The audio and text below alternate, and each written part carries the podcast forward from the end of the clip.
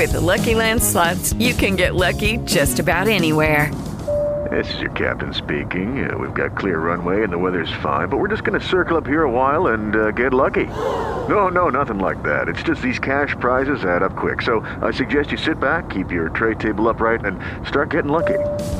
Play for free at LuckyLandSlots.com. Are you feeling lucky? No purchase necessary. Void where prohibited by law. 18 plus terms and conditions apply. See website for details. Weet je nog eigenlijk wel hoe dit moet? Ik denk gewoon een beetje afkraken, dan komen we een heel eind, denk ik. Goed dan, welkom eh, beste wielenvrienden. We zijn terug met de Wielenflits podcast, gemaakt door Juri Eindse en ikzelf, Maxi Morsels. We pakken de draad weer op en gaan vanaf nu weer onze blik op de wielenwereld met jullie delen. En in de tussentijd is er nogal wat eh, gebeurd, ehm, zowel in de wielenwereld als bij ons bij Wielenflits en eh, bij Ride Magazine. Daar gaan we het niet allemaal over hebben, want dat is veel te veel. Maar ik wil wel even bij één punt stilstaan. En dat is namelijk bij jou, Juri. Want een van de redenen dat wij deze podcast weer eh, wat makkelijker kunnen gaan maken, is dat jij nu eindelijk een fulltime wielenflitser bent. Werd tijd, dus hebben jullie goed gedaan. Dankjewel, nou, zo kan je het zien, ja.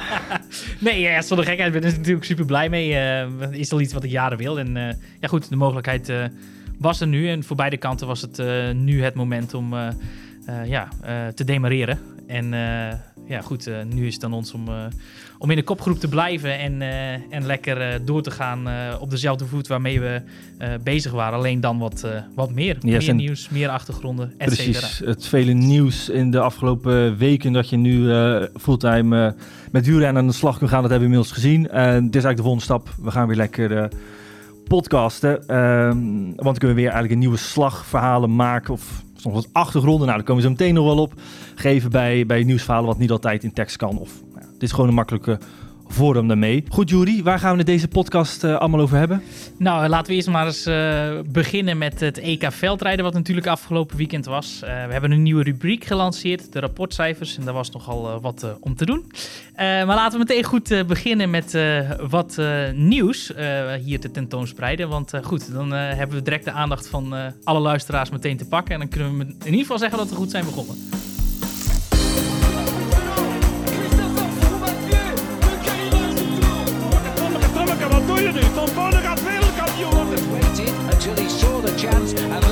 Armstrong is counting the move. ik zeg, door er aan vlasste plek en dan staat er morgen een wielenflits. Nou, dat nieuws bewaren we nog eventjes voor eh, iets later in eh, deze podcast. We beginnen met eh, nieuws van de vuilnisbelt. Daar ben je afgelopen weekend geweest. EK veldrijden op de Vanberg. Hoe was het daar? Eh, nou, het stonk. Eh, nee, zonder gekheid. Eh, het was een heel mooi EK. Eh, nou ja, goed, Van Berg voor wie het niet kent, maar ik denk dat het verhaal inmiddels wel bekend is. Dat is een ehm, kunstmatig aangelegde berg in Drenthe, waar ja, ze eigenlijk een vuilnisbelt overstort hebben met aarde en laten groeien, gras eroverheen laten groeien. En dat is nu ja, voor, in 2018 voor recreatief gebruik opengesteld. Ehm, sindsdien hebben er al verschillende wedstrijden plaatsgevonden. Voorheen was hij namelijk maar één keer per jaar open. En dat was tijdens de Ronde van Drenthe in maart. Omdat het gebied toen nog op, nu nog steeds op het grondgebied is van eh velverwerker Atero. Eh, dat zijn ook die pijpen die je altijd ziet roken op de achtergrond. Daar stinkt het nog wel steeds, want goed, het blijft afval en dat ruikt gewoon niet fris. Eh, maar goed, daar, daar verneem je op de Van Berg verder niks van. Ehm, en ja, goed, daar zijn dus eh, afgelopen weekend, eh, na al eerder eh, de NK's op de weg vorig jaar en dit jaar, vond er dit weekend ook het Europees kampioenschap veldrijden plaats. Ehm, ja, op eigenlijk een heel mooi parcours. Ehm, toen ik voor het eerst hoorde dat het op de Vanberg was, toen dacht ik, ja, maar waar dan? Mijn schoonouders wonen toevallig in Drenthe, dus ik kom er wel eens.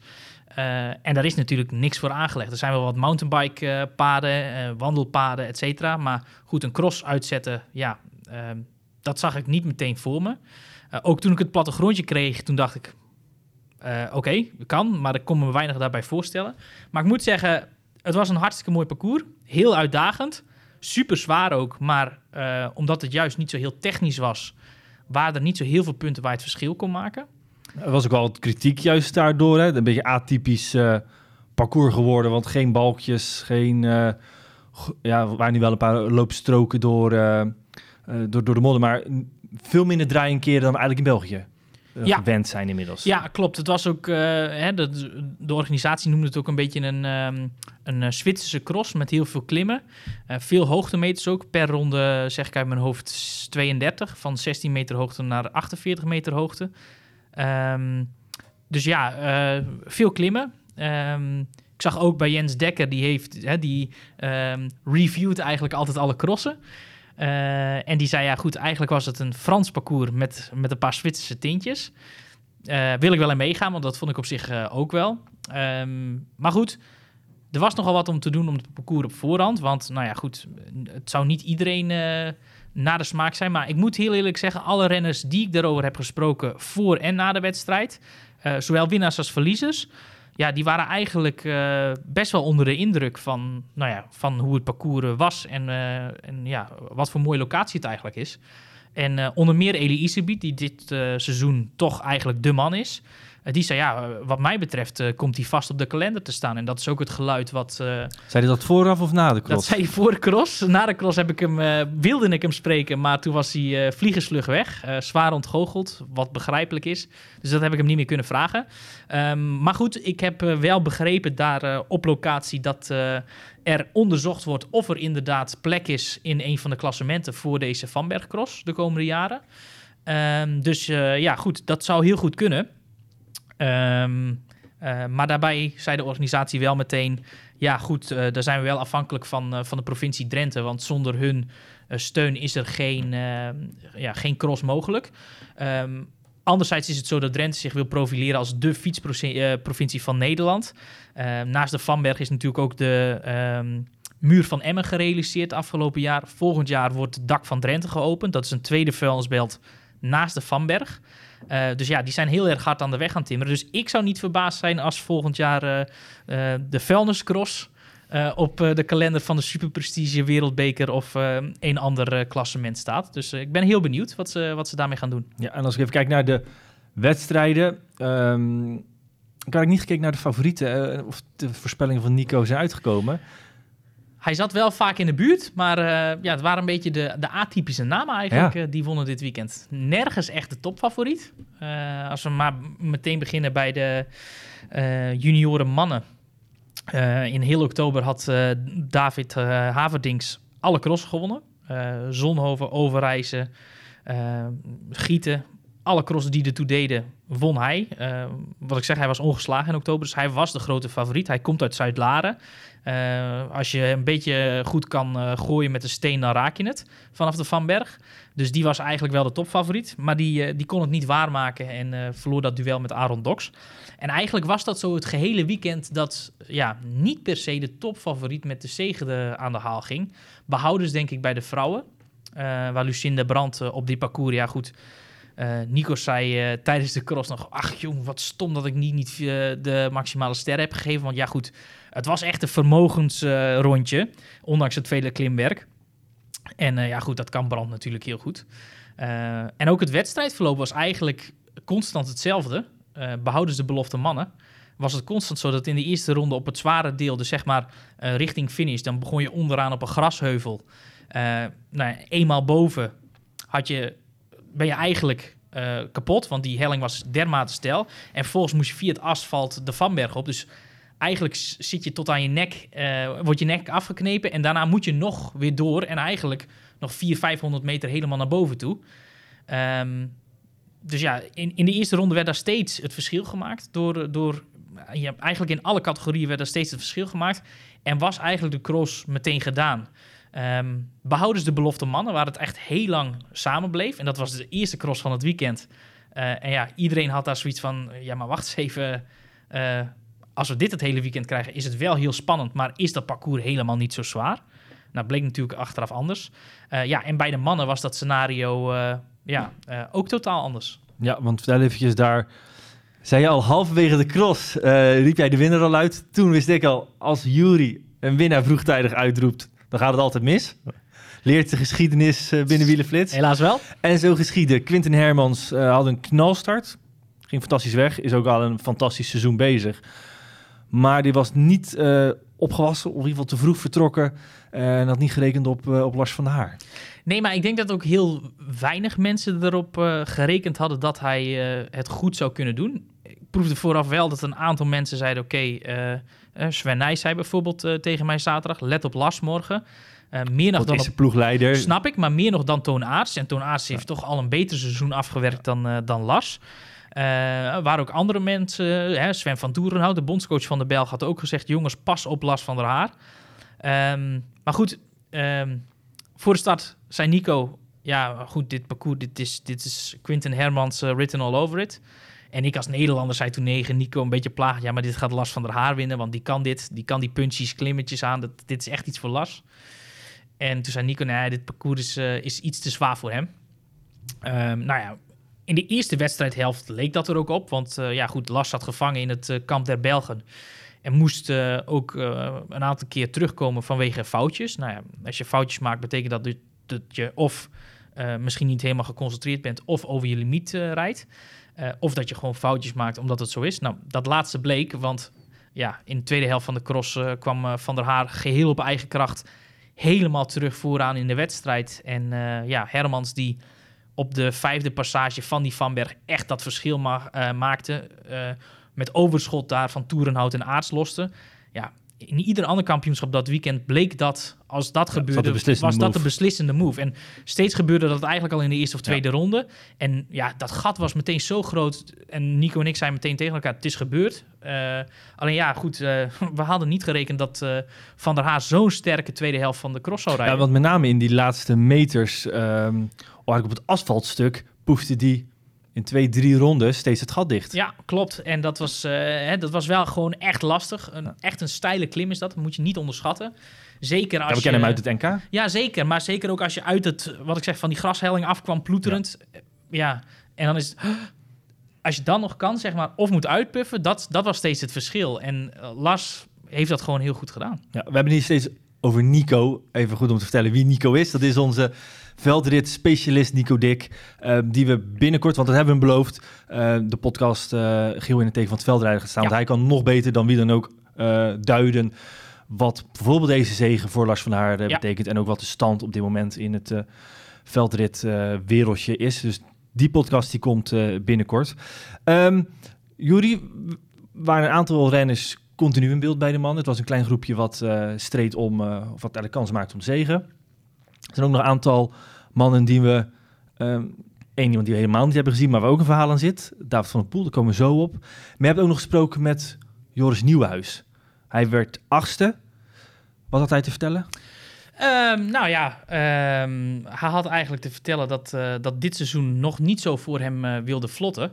En eh, ik heb hem daar ook voor, over gesproken bij de start. En eh, hij zei daar dit over. Joris Nieuwhuis, hoe is het met jou? Goed. Ja. Gaat eh, weer de goede kant op. Mooi, want daar wilde ik het inderdaad eventjes met je over hebben. Ehm, je bent nu, dit is volgens mij je vijfde cross als ik er niet naast zit.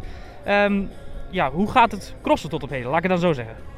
Ehm, ja, ik merk dat elk jaar wordt die overgang wat lastiger. Je zit eh, veel meer op die wegfiets. In een bepaalde houding. En eh, ja, ik heb veel last gehad van mijn rug de afgelopen maand, anderhalve maand. Eh, wat me echt in de weg heeft gezeten. En ik, ik heb daar al wel vaker last van gehad. ehm, in de overgang. En ik heb nu gezegd, van, ja, ik wil eigenlijk gewoon echt naar, de, naar de oorzaak, de oorsprong daarvan. Om het echt gewoon ja, van begin af aan op te lossen. En eh, te hopen dat het gewoon niet meer terugkomt ook. Maar wa- waar zit dat hem in? Is dat een andere fietspositie? Zit je lager of juist hoger? Of wa- waar, waar zit het hem, denk jij? Nou ja, daar, daar hebben we nu, eh, al, zitten we nu al een maand naar te zoeken. Want dit is gewoon best wel lastig. Want ja, je voelt wat in je rug, maar het zit heel diep. Eh, ja, je kunt er niet echt eh, met masseren bij komen. Of, ehm, en eh, ja, we zijn echt op, op zoek nog eigenlijk. We weten het nog niet goed. En, eh, maar ja, wel fietspositie iets veranderd. Wat eh, ehm, minder, eh, hoe zeg je dat? Minder, ja, wat comfortabeler, wat rechterop. Ehm, om het zo wat te ontlasten. En ja, wat ik zeg, het is gewoon heel moeilijk als je niet weet wat het is om ja, goede uitleg daarover te geven. Uh, maar ik heb wel het idee dat we de goede weg uit zijn. Bijvoorbeeld over reizen viel het echt wel mee. De laatste, laatste twee ronden dat ik het echt wel uh, voelde. Maar niet dat het me zo erg hinderde zoals in uh, ja, Gieten bijvoorbeeld. En ehm, ja, nog een paar andere waar het ook gewoon echt totaal niet loopt dan ook. Hoe lastig is het om daar onderweg mee om te gaan? Want het lijkt me toch als je dan op een gegeven moment aan een cross begint, begint te twijfelen. Hoe zit dat? Um, ja, dat, dat is. het enige wat je in je hoofd blijft uh, afspelen is van ik voel mijn rug, je, ik heb last van mijn rug. Je, hebt gewoon die hele focus, dan ben je gewoon totaal kwijt. Um, maar ja, dat, dat, is wel iets waar ik al langer mee bezig ben, om dat gewoon proberen te... Um, ja, om dat, uh, om dat te verbeteren. Om echt gewoon proberen een goede focus te houden voor een uur lang. Wat ik zelf gewoon best wel lastig vind. um, maar ja, wanneer die rug dan ook nog erbij zit, ja, dan, uh, is dat wel moeilijk. Is het dan, en bedoel ik niet verkeerd, maar is het dan nog leuk? Nou, niet altijd. Nee. Ik bedoel, uh, je, weet, je weet uh, wat je al gedaan hebt. Je, je, je weet dat je een keer derde bent geworden in de wereldbeker bij de elite. Je weet dat je een keer een paar keer heel dicht bij de top 5 hebt gezeten. En dan eigenlijk elk jaar merk je dat het iets minder wordt. Um, nou ja, de, dat, dat, is af en toe wel moeilijk, ja. ja. Rugproblemen dus. Wat me ook wel opviel bij hem, dat hij al vroeg aan het seizoen uh, begonnen is. Hij heeft natuurlijk al gewoon een heel wegseizoen uh, gereden. En al meteen in Gieten, 3 oktober, het veld ingegaan. Korte vakantie voor hem. Ja, uh, ik hoop wel dat hij ervan genoten heeft. Maar ja, in principe is dat dus dat de reden geweest waarom het nu ja. minder gaat. Dan David van der Poel. Die is ook wat aan het kwakkelen met zijn uh, fysieke gesteldheid. En kiest nu uit voor een heel ander traject. Daar hebben we al een aantal verhalen bij over gemaakt de afgelopen weken. Um, hij besloot dit weekend in Spanje te crossen. Dus het EK in Nederland over te slaan. En dat dan een bijzondere reden, of eigenlijk ook een bijzonder gevolg. Want die pakte zomaar meer UCI-punten dan Lars van Haar als kerstvers Europees kampioen. Uh, nou, in feite pakt hij uh, eh, 100 punten. Dus dat is hetzelfde als wat Lars van der Haar qua UCI-punten kreeg bij zijn EK-titel.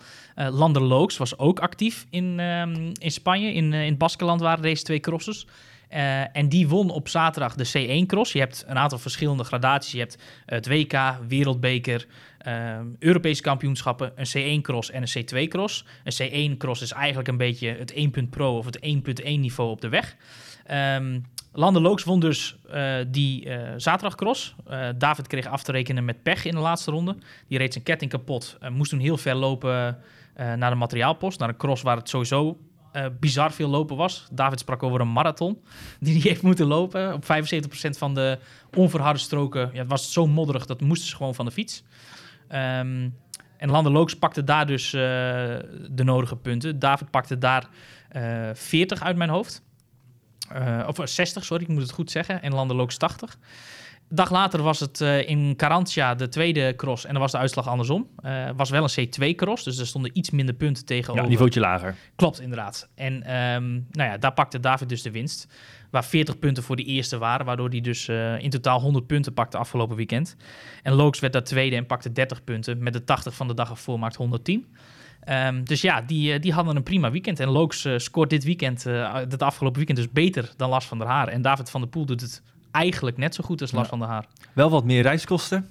Wel wat meer reiskosten, dat klopt. Uh, maar goed, David zei ook, voor mij waren hier ook, was hier ook meer prijsgeld ja. te vangen. Want ja goed, op een goede dag en als mijn rug mee zit, ja. dan, ja, goed, dan zit er een hoge top 10 plek, is, is de max voor mij. Hij zegt maar simpel gezegd had ik gewoon niks te winnen op het, WK, of, op het EK. En, en hier wel. En dat is hem goed gelukt. Hij is met een goed gevoel naar huis gegaan. Zijn rug deed het op zich niet slecht. En ehm, ja, kon voor de zegen rijden. Dus ja, eigenlijk ehm, helemaal dikke prima. Ja, ik denk dat we even een knipje gaan maken, want je wordt hier gebeld door iemand, ja, zie ik. ik zal heel even mijn telefoon opnemen. Wie had jij nou aan de lijn? Kan ik niks over zeggen, maar we hebben wel een extra nieuwtje aan het eind van de show. Nog meer nieuws? Ja, ja, ja, ja, ja, ja, ja. Maar we gaan eerst dat nieuws bewaren nog even. Dat is voor het eind. Een mooie, mooie afknapper, of, uh, afsluiter. En dat is um, goed. Misschien ook al een afknapper. ik, ik wil in ieder geval gebruiken dat mensen deze podcast blijven luisteren. Ja. Helemaal tot het eind. Goed. Dat wordt de moeite waard. Maar we gaan eerst even op rapport. Ja. Uh, beter gezegd, wij uh, laten de teams op rapport gaan. Alle Wulter teams krijgen de komende maand een, een rapportcijfer van ons. We zijn begonnen onderaan de World Tour ranking en werken toe naar eh, boven. En daarna plakken er ook nog de Nederlandse continentale teams en ook de Belgische teams eh, aan vast. We zijn begonnen met eh, Team DSM. Ja. En de reacties daarop die waren niet best, Jury. Nou ja, goed, het was in ieder geval een mooi binnenkomer voor de, voor de nieuwe rubriek. Ehm, maar ja, goed, aan de andere, andere kant is het natuurlijk zo dat we... ehm, ja, het is, je kunt dit heel simpel doen, die rapportcijfers. Je kunt zeggen, oké, resultaten eh, slecht. Ehm, en dan kun je daar een cijfer op plakken. Wat wij hebben gedaan is geprobeerd om met onze ehm, kennis en expertise toch ehm, ja, een, een, een, realistische cijfer aan een ploeg te geven. Wat te maken heeft met doelstellingen, eh, maar ook met selectie. En als we het weten, het budget. Want ja, goed, dat speelt gewoon allemaal mee in waarom een bepaalde ploeg eh, bijvoorbeeld, ik noem maar wat, een zesde plek in de Tour de France voor Ineos. Um, Ja, die krijgt daar een zware onvoldoende voor. Terwijl als Intermarché, want die Gobert dat voor elkaar breidt, ja, die krijgt daar een dikke voldoende voor. Want dat komt natuurlijk compleet uit de lucht vallen. Dus dat is een beetje het verschil. Alleen En nog even een belangrijke maatstaf is ook natuurlijk als de ploegen zeggen... joh, we gaan inzetten op een sprintterrein... of we gaan juist voor die grote rondes... dat we daar ook iets scherper naar kijken van... Ja. hey, is dat ook geluk met die ambitie? Want begin van het jaar zit het natuurlijk heel scherp erop van... jongens, wat willen jullie dit jaar doen en met wie? Die antwoorden zijn allemaal bekend, dus kun je aan het eind van het jaar ook... ehm, redelijk objectief beoordelen, is dat ook gelukt? Ja. Ja, eh, in feite werkt het zo als je in groep 3 wilt leren wat 1 plus 3 is. eh, en aan het eind van het jaar weet je dat nog niet. Ja, goed, dan ga je niet over naar, eh, naar groep 4. eh, bewijs van. En dat is een beetje wat we geprobeerd hebben om met die interpretatieregel te kijken: oké, is, is, een, is een seizoen voor een ploeg geslaagd of niet? En daarom kan het ook best zo voorkomen dat een, een ploeg die laag op de ranking is geëindigd, op de UCI-ranking, een veel hoger cijfer krijgt dan een ploeg die hoger op de ranking is eh, ja, terechtgekomen. Ja, we hebben, er zijn nu twee ehm, teams bekendgemaakt door ons. We zijn op rapport geweest. Ehm, bij DSM, wat als laagste team op de ranking, World ranking is geëindigd, een 3,7 van jou gekregen. En Quebeca Next Hash een 6,7. Is nogal een verschilletje. Ja. Laten we eens even bekijken van ehm, hoe dat cijfer tot stand is gekomen. En dan kunnen mensen waarschijnlijk ook wat beter begrijpen ehm, ja, hoe we tot deze oordelen komen. Ja. Ehm, laten we beginnen gewoon bij, bij DSM. Nou ja, goed, DSM eh, heeft natuurlijk eh, afgelopen winter eh, fors ingeleverd. Bijvoorbeeld Sam Oom en Wilco Kelderman die weg zijn gegaan, maar ook Michael Matthews. Op het moment dat zij hun plannen tentoongespreid hebben, was Mark Hirschi nog deel van de ploeg. Die is natuurlijk ook korte tijd daarna weggegaan. Maar er is ingezet op de voorjaarsklassiekers. Dat werd de pijler. Met Ties Benoot, met Søren Andersen, ehm, Niels Eekhoff en ook Kees Bol heb je daar prima renners voor. Die in die koersen zeker mee moeten kunnen doen voor eh, top 5. Ehm, en als je voor top 5 kunt rijden, kun je ook podium rijden. En als je podium kunt rijden, kun je ook winnen. Eh, daar werd volop ingezet. En daarnaast wilden ze eh, de sprinttrein verder ontwikkelen. Daar hebben ze natuurlijk Kees Bol voor. eh, maar ook bijvoorbeeld Alberto Dainese, een eh, hele getalenteerde Italiaan. Eh, en daarnaast wilden ze ook hun jonge renners, wat we van DSM eh, ja, wel gewend zijn, wilden ze de ruimte geven om eh, zichzelf te ontplooien. Ehm, en ze hebben natuurlijk echt fantastische talenten, vooral voor het rondewerk. Maar zoals ik net ook al zei, Dainese voor het sprintwerk is ook een, eh, een groot talent. Eco voor de klassiekers. Dus ja, in principe hele goede en prima doelstellingen. Ja, en met eh, Andreas Leknessoen die dit jaar erbij is gekomen. eh, Marco Brenner, een, iemand die eh, weer de belofte heeft overgeslagen. Ook een toptalent. Ja. Was ook weer een grote input weer van nieuwe, eigenlijk nog ja, ruwe diamanten. Ja, nee, klopt. En dat hebben ze natuurlijk de laatste jaren met verschillende renners bewezen dat ze dat kunnen. Eh, Marcel Kittel is een goed voorbeeld. Natuurlijk ook Tom Dumoulin. Eh, maar ook een Jai Hindley, die dit seizoen eh, ook nog bij DSM rijdt, maar ook gaat vertrekken. Mark Hirschi is natuurlijk een goed voorbeeld. Dus ja, DSM kan dat. En dan ja, ehm, vind ik het niet meer dan logisch dat ze die ruimte ook bieden.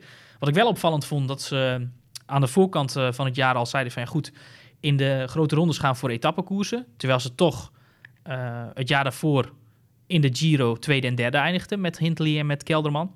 Eh, dus dat vond ik opvallend. Ehm, Romain Bardet aangetrokken ja, daarom. als klassementsman.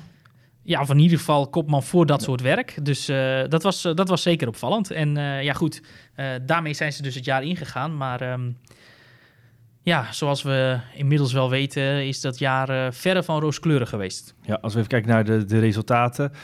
Duurde, wat mij nog bij staat, duurde vooral heel erg lang ook op die eerste uh, zegen van het jaar. Dat was uh, Kees Bol in Parijs-Nice.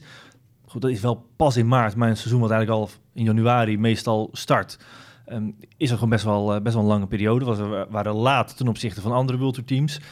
Um, ja, als we kijken naar de klassiekers, dat is een van de factoren waarop we hebben beoordeeld. Dan was beste prestaties een twaalfde plaats van Benoot in de Ronde van Vlaanderen. Ja, en, en dan uh, heb je een, Søren Kragh Andersen, dan heb je een, een Niels Eekhoff, die weliswaar heel veel pech heeft gehad, ja. uh, veel materiaalpech heeft gehad in klassiekers. Maar goed, als je kijkt, klassiekers zijn voor hun een heel belangrijke pijler in het jaar, heel belangrijke wedstrijden. Hebben daar de kwaliteit voor. Maar het. Hey guys, it is Ryan. I'm not sure if you know this about me, but I'm a bit of a fun fanatic when I can. I like to work, but I like fun too. It's a thing. And now the truth is out there. I can tell you about my favorite place to have fun Chumba Casino. They have hundreds of social casino style games to choose from, with new games released each week. You can play for free anytime, anywhere. And each day brings a new chance to collect daily bonuses. So join me in the fun. Sign up now at chumbacasino.com. No purchase necessary. BGW. Void were prohibited by law. See terms and conditions. 18 plus. Niet uitgekomen. Ja, gewoon niet inderdaad. Hè. Er werd wel gezegd inderdaad dat Søren Kraal Andersen uh, ziek was. Wat natuurlijk heel goed kan. En daarbij gezegd hebbende, die rijdt natuurlijk wel weg met Jasper Stuyven in Milaan-Sanremo.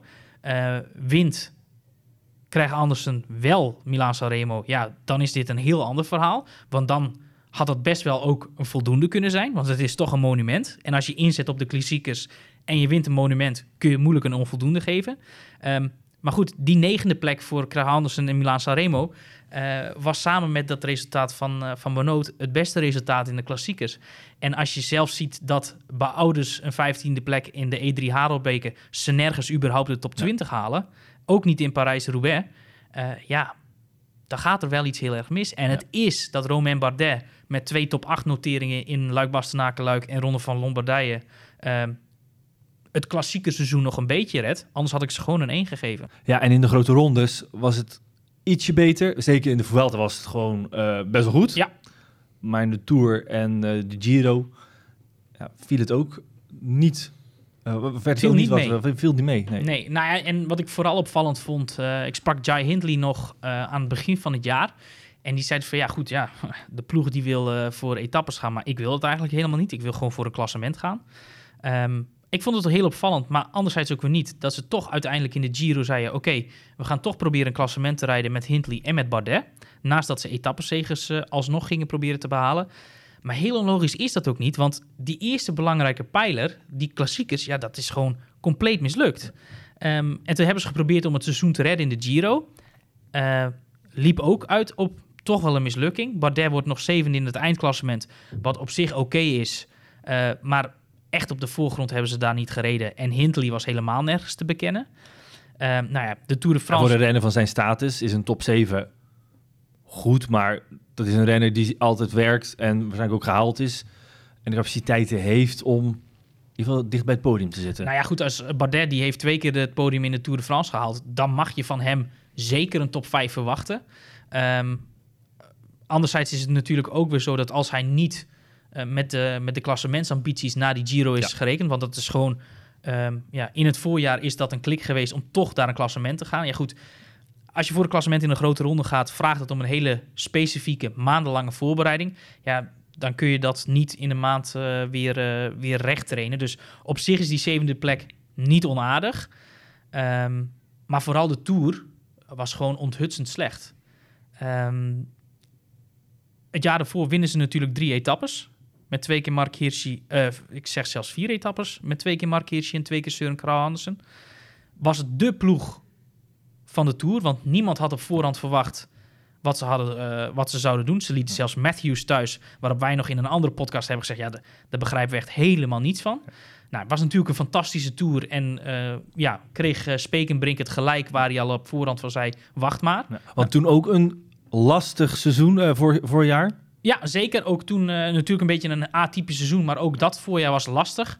Maar toen in de Tour hebben ze het seizoen helemaal gekleurd en was het misschien wel een van de meest in het oog springende teams in de Tour. Dit jaar niks van dat. Uh, drie keer een top 6 of drie keer een top 10 of vier keer een top 10 notering voor Kees Bol, waarvan drie keer zesde. En nog een keer één keer een derde plek voor Casper Pedersen. En dat was het. Ja. In het klassement totaal geen rol gespeeld. Nooit een keer dicht bij eh, de dagzege geweest. Ja, sorry, maar dan, dan in de grootste wedstrijd van het jaar, zeker gezien de prestaties van het jaar daarvoor, ja, is dat ook gewoon niet goed. Nee. Maar goed, eh, lichtpuntje was die Vuelta. Absoluut. En daar hebben ze het gewoon fantastisch gedaan. Eh, en daar redden ze ook hun seizoen mee. Eh, met twee ritzegers voor, voor Storer, die natuurlijk net daarvoor ook een rit en de eindzege in de Tour de l'Ain gepakt had. Ehm, die reed fantastisch, won ook het bergklassement, notabene in strijd met ploegmaat Romain Bardet, die ook een rit won in de, in de Vuelta. Dus ja, in de Ronde van Spanje hebben ze gewoon fantastisch gedaan en het seizoen gered. Eh, en daarmee toch ook wel het cijfer eh, voor, eh, voor dit onderdeel. Ja. Gaan we even door naar de- het volgende team, eh, Quebec en Nextash. Ja, ehm, ook eigenlijk een team met veel moeilijkheden gekend. Natuurlijk heel laat pas zekerheid gekregen. Ja. Of ze überhaupt konden bestaan in 2021. Dat heeft natuurlijk ook invloed gehad op het deelnemersveld bij hun. Hè, wie, wie in de selectie zit. Ja. Eigenlijk een situatie vergelijkbaar met dit jaar. Ja, klopt. Ja, hoe zijn die eraf gekomen bij jou? Nou ja, goed, die hebben natuurlijk, eh, wat je zegt, een hele andere situatie als, eh, als DSM. Eh, DSM is toch een ploeg uit de, de middenmoot, zeker qua budget. maar ook al de laatste jaren een veel aansprekender team dan dat NTT of Dimension Data de laatste jaren is geweest. Want die bungelen eigenlijk altijd aan de onderkant van de, van de World Tour. Dit jaar was dat niet anders. Wat je al zegt, hè, vorig jaar pas in de eerste week van november... eh, dus zeg maar tien dagen voor de deadline van de UCI... eh, een bankgarantie kunnen geven vanwege een sponsor die toen pas aanhaakte. Eh, toen moesten in november nog, terwijl alle toprenners natuurlijk al in, in, in april, mei, juni en juli worden vastgelegd, moesten zij in november nog beginnen. Ja, al hun grote kopmannen behoudens niet solo waren uitgevlogen. Dat was eigenlijk helemaal geen World Tour ploeg qua selectie, qua kwaliteit in die selectie. En die hebben het met de middelen die ze hadden, met dat kleine budget, met de op papier heel zwakke selectie, hebben die het gewoon echt naar behoren gedaan. En, en Je ziet toch wel dat er altijd weer renners opstaan die juist in zo'n moeilijke periode toch weten te ontbolsteren. Ja, zeker. En eh, goed, Nietzelo, als die er niet was geweest, was het echt een heel slecht seizoen geweest. Zo eerlijk moeten we wel zijn. Dus het is vooral te danken aan Nietzelo dat zij eh, toch wel eh, toch nog een, een, een goede voldoende hebben gehaald. Eh, want die was gewoon echt goed in de klassiekers. Eh, wordt tweede onder meer Gent-Wevelgem. Eh, Michael Gogol wordt zesde in Strade Bianchi. Ja, dat zijn gewoon resultaten die DSM bijvoorbeeld niet haalt. Eh, terwijl de klassiekers voor eh Quebec niet een hoofddoel waren. Want ja goed, daar hebben ze eigenlijk helemaal de renners niet voor. Ehm, dat Ja, ik weet wel dat ze echt vertrouwen hadden in Nietzelo. Dat ze daarvan ook zeiden, die kan echt wel langer Ja. mee over de berg. Is meer dan alleen eh, die pure sprinten. Nou, dat zagen we ook in, in Gent-Wevelgem, waar die, waar die tweede wordt. Ja. Dus ja, daar hebben ze wel geprofiteerd van die veelzijdigheid en dat Ja. vertrouwen in hem. Ja goed, wat je net al zei, heel veel andere keus was er ook niet. er was geen andere keus. Eh, zeker voor die wedstrijden niet. Moet ik zeggen, Dimitri Klaes heeft ook een paar eh, goede uitslagen gereden. Maar het is ook niet zo dat dat een renner is die in de top van de World Tour het verschil gaat maken. Maar bij Kampenaar, of eh, daar komen we zo meteen op Kampenaars natuurlijk. Wat me nog bij Nietzelo vooral bij staat, is dat hij na eerst twee tweede plekken opnieuw in eh, de Giro eindelijk die zege pakte. Ja, want dat was natuurlijk wel eh, iets waar ze heel lang op, of waar hij heel lang op wachtte. Ik heb het toevallig nog geteld. Na, eh, in zijn hele carrière elf tweede plekken en vijf derde plekken in ritten. Lukte het hem nu eindelijk om die Giro-ritzegen te pakken.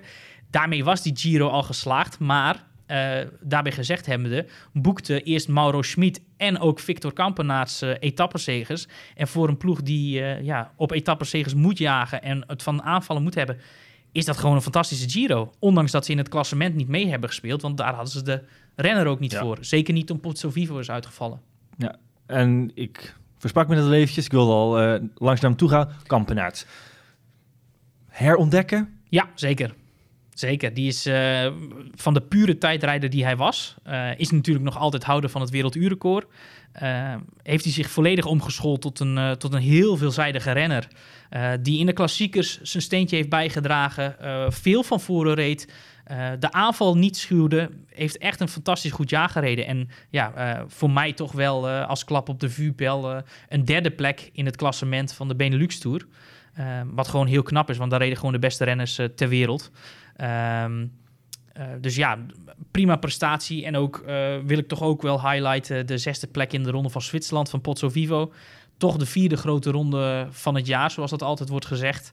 Eh, en daarnaast nog een aantal mooie ereplaatsen in andere rondes, waardoor ook ja, hun overige wedstrijden met het materiaal dat ze hebben qua renners gewoon best oké is. En ja, ehm, zeker die derde plek in de Benelux Tour voor een ploeg als Quebeca, ehm, ja, verdient dat gewoon ook een, eh, een, een, een goede voldoende.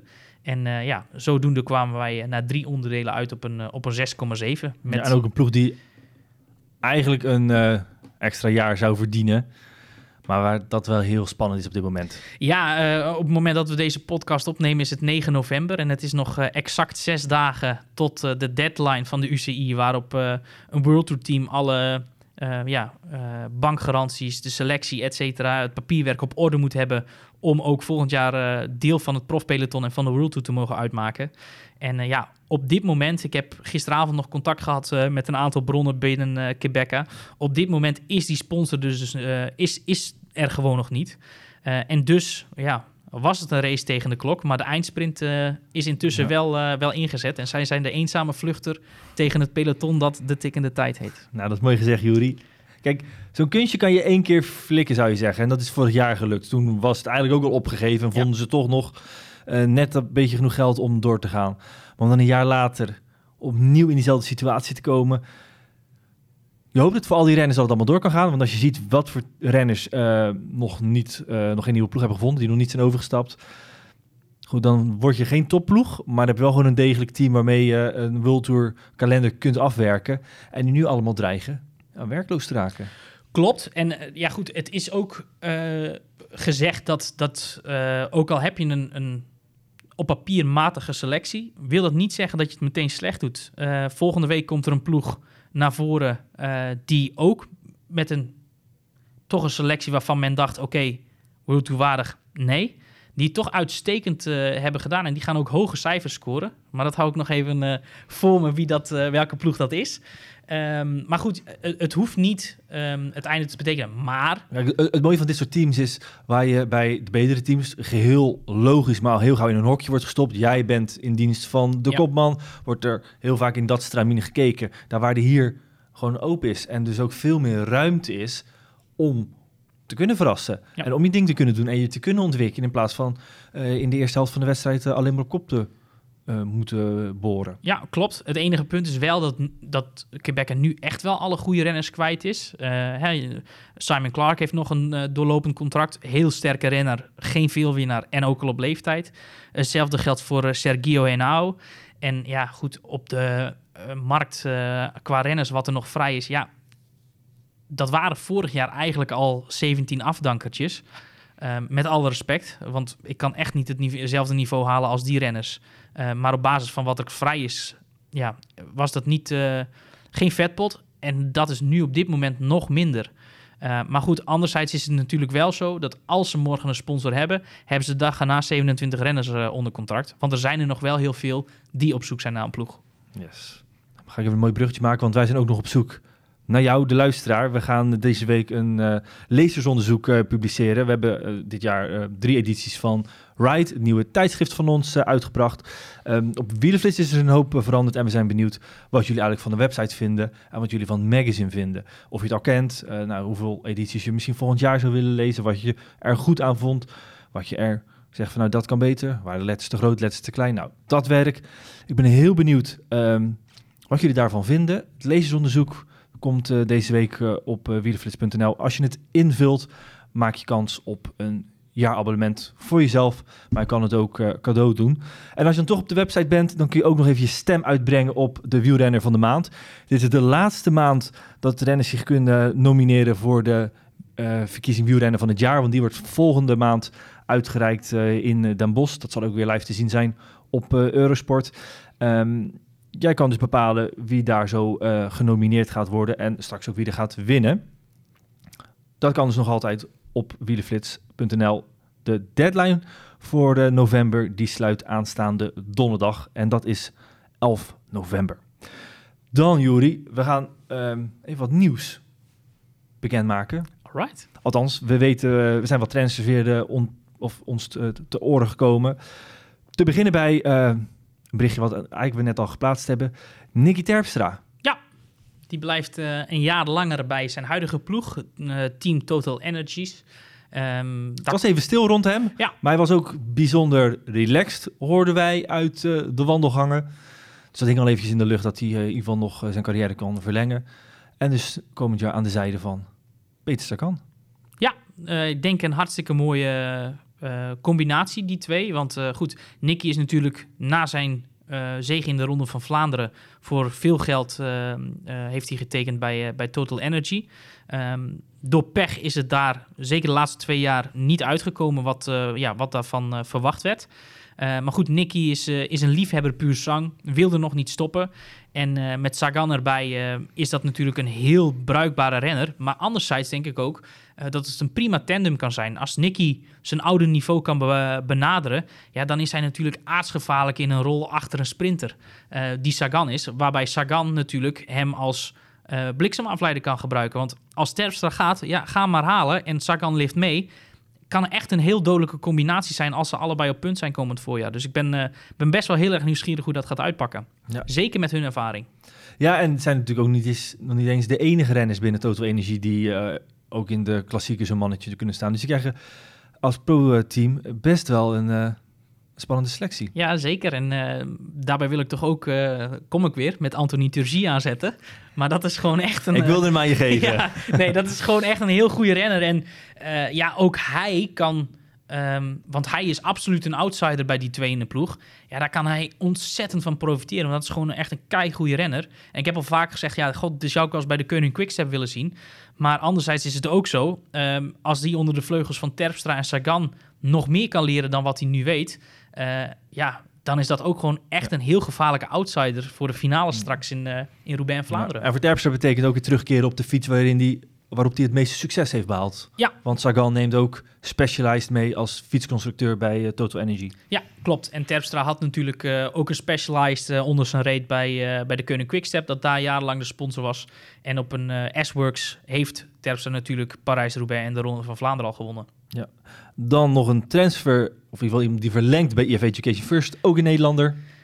Dat is Sebastian Langeveld. Eh, die gaat eh, langer blijven bij de ploeg. Die zit daar helemaal op zijn plek. Eh, Jonathan Waters is jarenlang al lyrisch over Langeveld. Die noemt hem een van de slimste, zo niet de slimste renner uit het peloton. Nou ja, Sebas is daar gewoon op zijn plek. Die gaat daar ook gewoon ooit zijn carrière beëindigen. Wanneer dat is, weet ik niet. Want hij heeft gewoon nog heel veel plezier in het fietsen. En die gaat daar langer blijven. Ehm, en gaat ook volgend jaar in de kleuren van EF Education First rijden.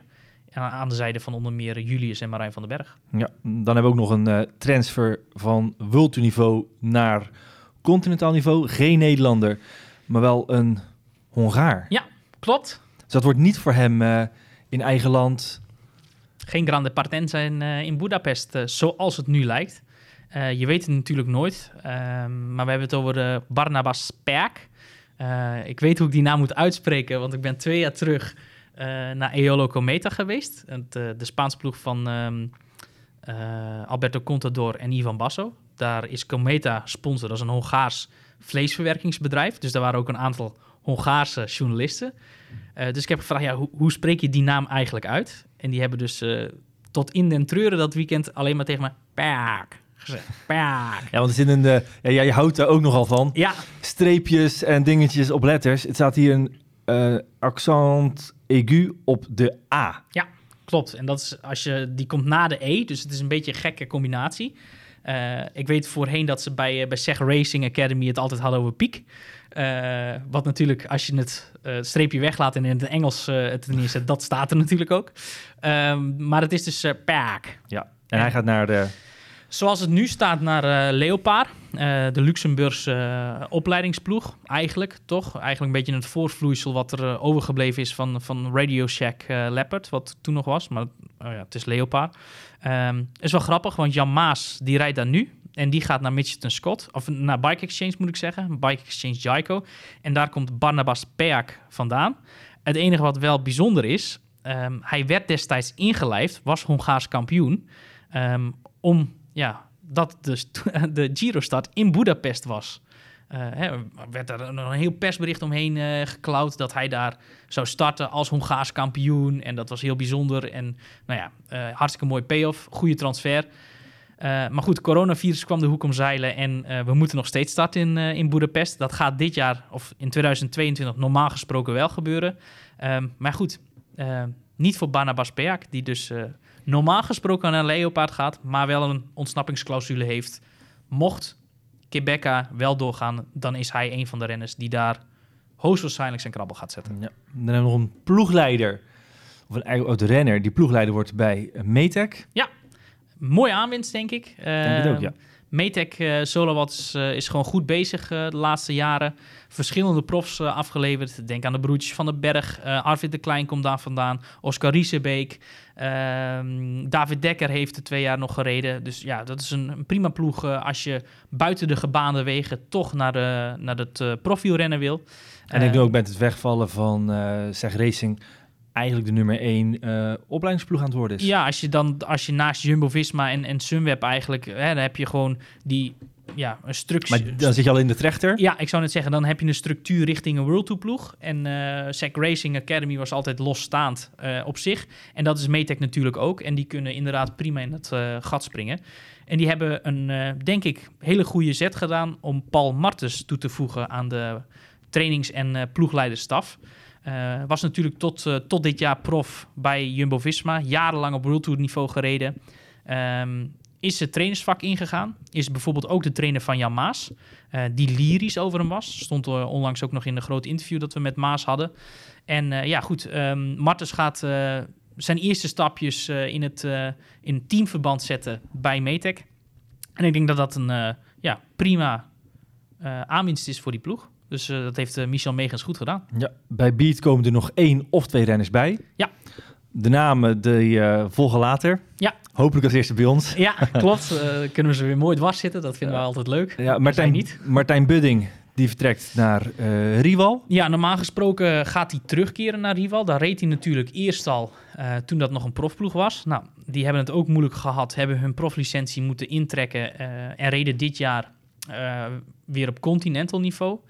Um, hij komt er onder meer Elmar Reinders tegen, die uh, toen ook al bij die ploeg reed en daar ook gebleven is. Reed dit jaar een heel sterk jaar, komt ook volgend jaar voor die ploeg uit. Nick van der Leijkers zien we niet meer terug, die stopt, die rijdt ook bij die ploeg. Uh, en na wat ik begrepen heb, uh, ja, keert Budding dus terug in Deense dienst en gaat hij voor Rival rijden. Klopt. Ja. En tot slot nog een kleine transfer van een renner richting uh, Metec. Ja, dat is Jaap Roelen. Die is uh, de laatste aanwinst voor, uh, voor Metec. En ja, die vult eigenlijk de plek in die uh, vrijgekomen is nadat Wessel Krul toch nog een profcontract kon tekenen. Dat was bij, bij Rally Cycling, bij de Amerikaanse ploeg. die zou eerst ehm, ja, als zijn laatste jaar als belofte gaan afwerken bij Metec. Maar die gaat nu naar um, Rally. En daarvoor dus ja broelen naar Metec. Pas 19 jaar, dus nog een jonge gast. Ja, en ik zie dat hij op 1 januari jarig is, dat is eigenlijk best nadelig voor zijn positie als belofte. Ja, inderdaad. Uh, want dat betekent dus dat je een hele vroege eerstejaars hebt. Um, als je dus bijvoorbeeld een dag eerder jarig was geweest, dan had je een jaartal eerder belofte geweest. Waardoor je dus eigenlijk op heel jonge leeftijd belofte wordt.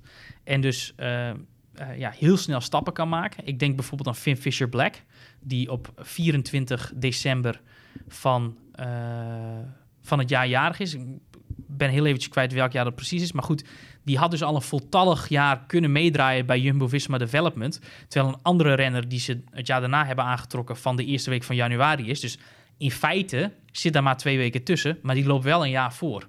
Dus hè, die maakt nu bijvoorbeeld de stap naar, uh, naar Emirates al afgelopen jaar. Ja, uh, als ja. hij twee weken ouder was geweest, was daar nog nul sprake nee. van geweest. Finn Fisher Black is 21 december 2001. En dan heb je dus Jaap Roelen 1 januari 2002. Ja, nou dat is dus het, dat is een wereld van verschil.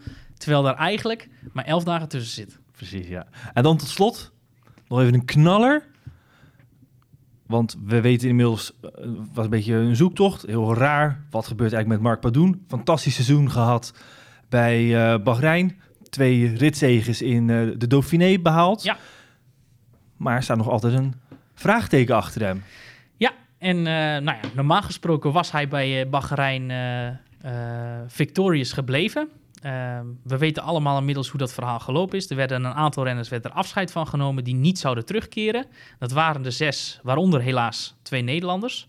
Kevin Inkelaar, die op dit moment nog geen nieuwe ploeg heeft. eh, en Wout Poels.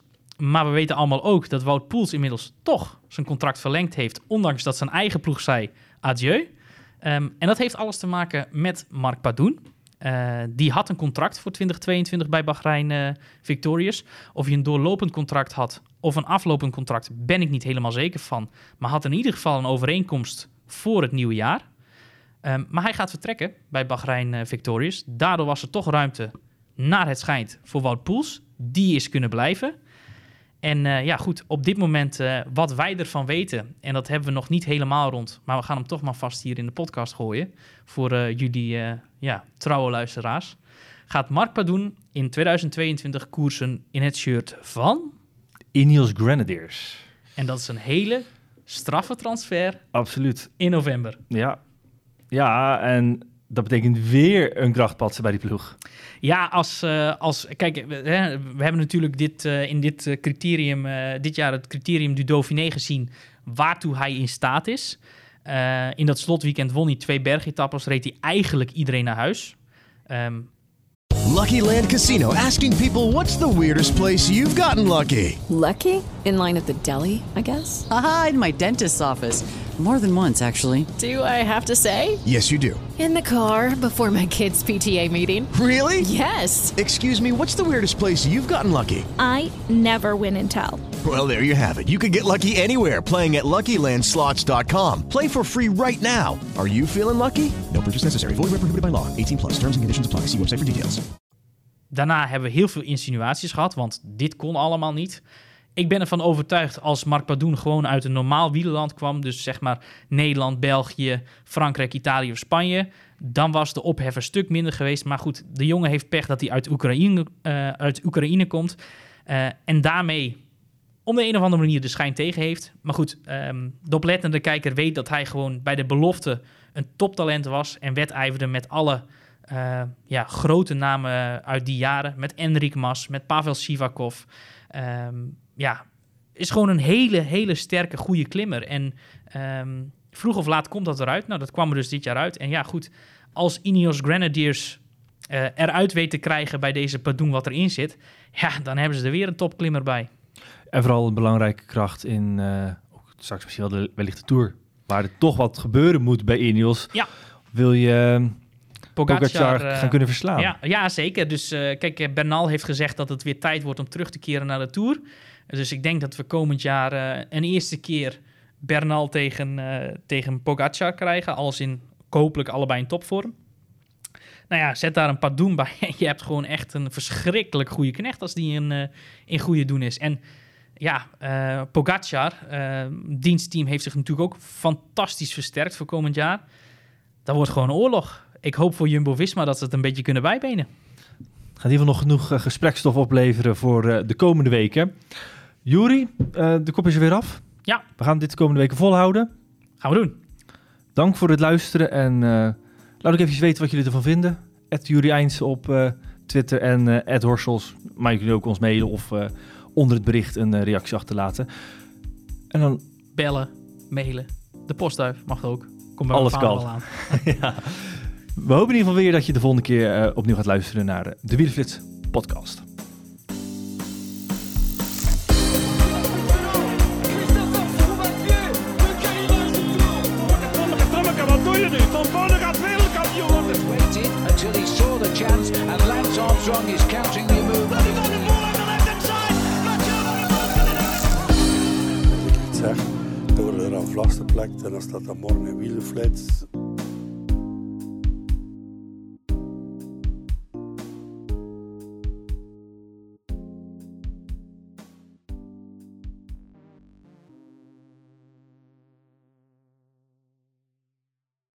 Lucky Land Casino asking people what's the weirdest place you've gotten lucky? Lucky? In line at the deli, I guess? Haha, in my dentist's office. More than once, actually. Do I have to say? Yes, you do. In the car before my kids' PTA meeting. Really? Yes. Excuse me, what's the weirdest place you've gotten lucky? I never win and tell. Well, there you have it. You can get lucky anywhere playing at LuckyLandSlots.com. Play for free right now. Are you feeling lucky? No purchase necessary. Void where prohibited by law. 18 plus. Terms and conditions apply. See website for details.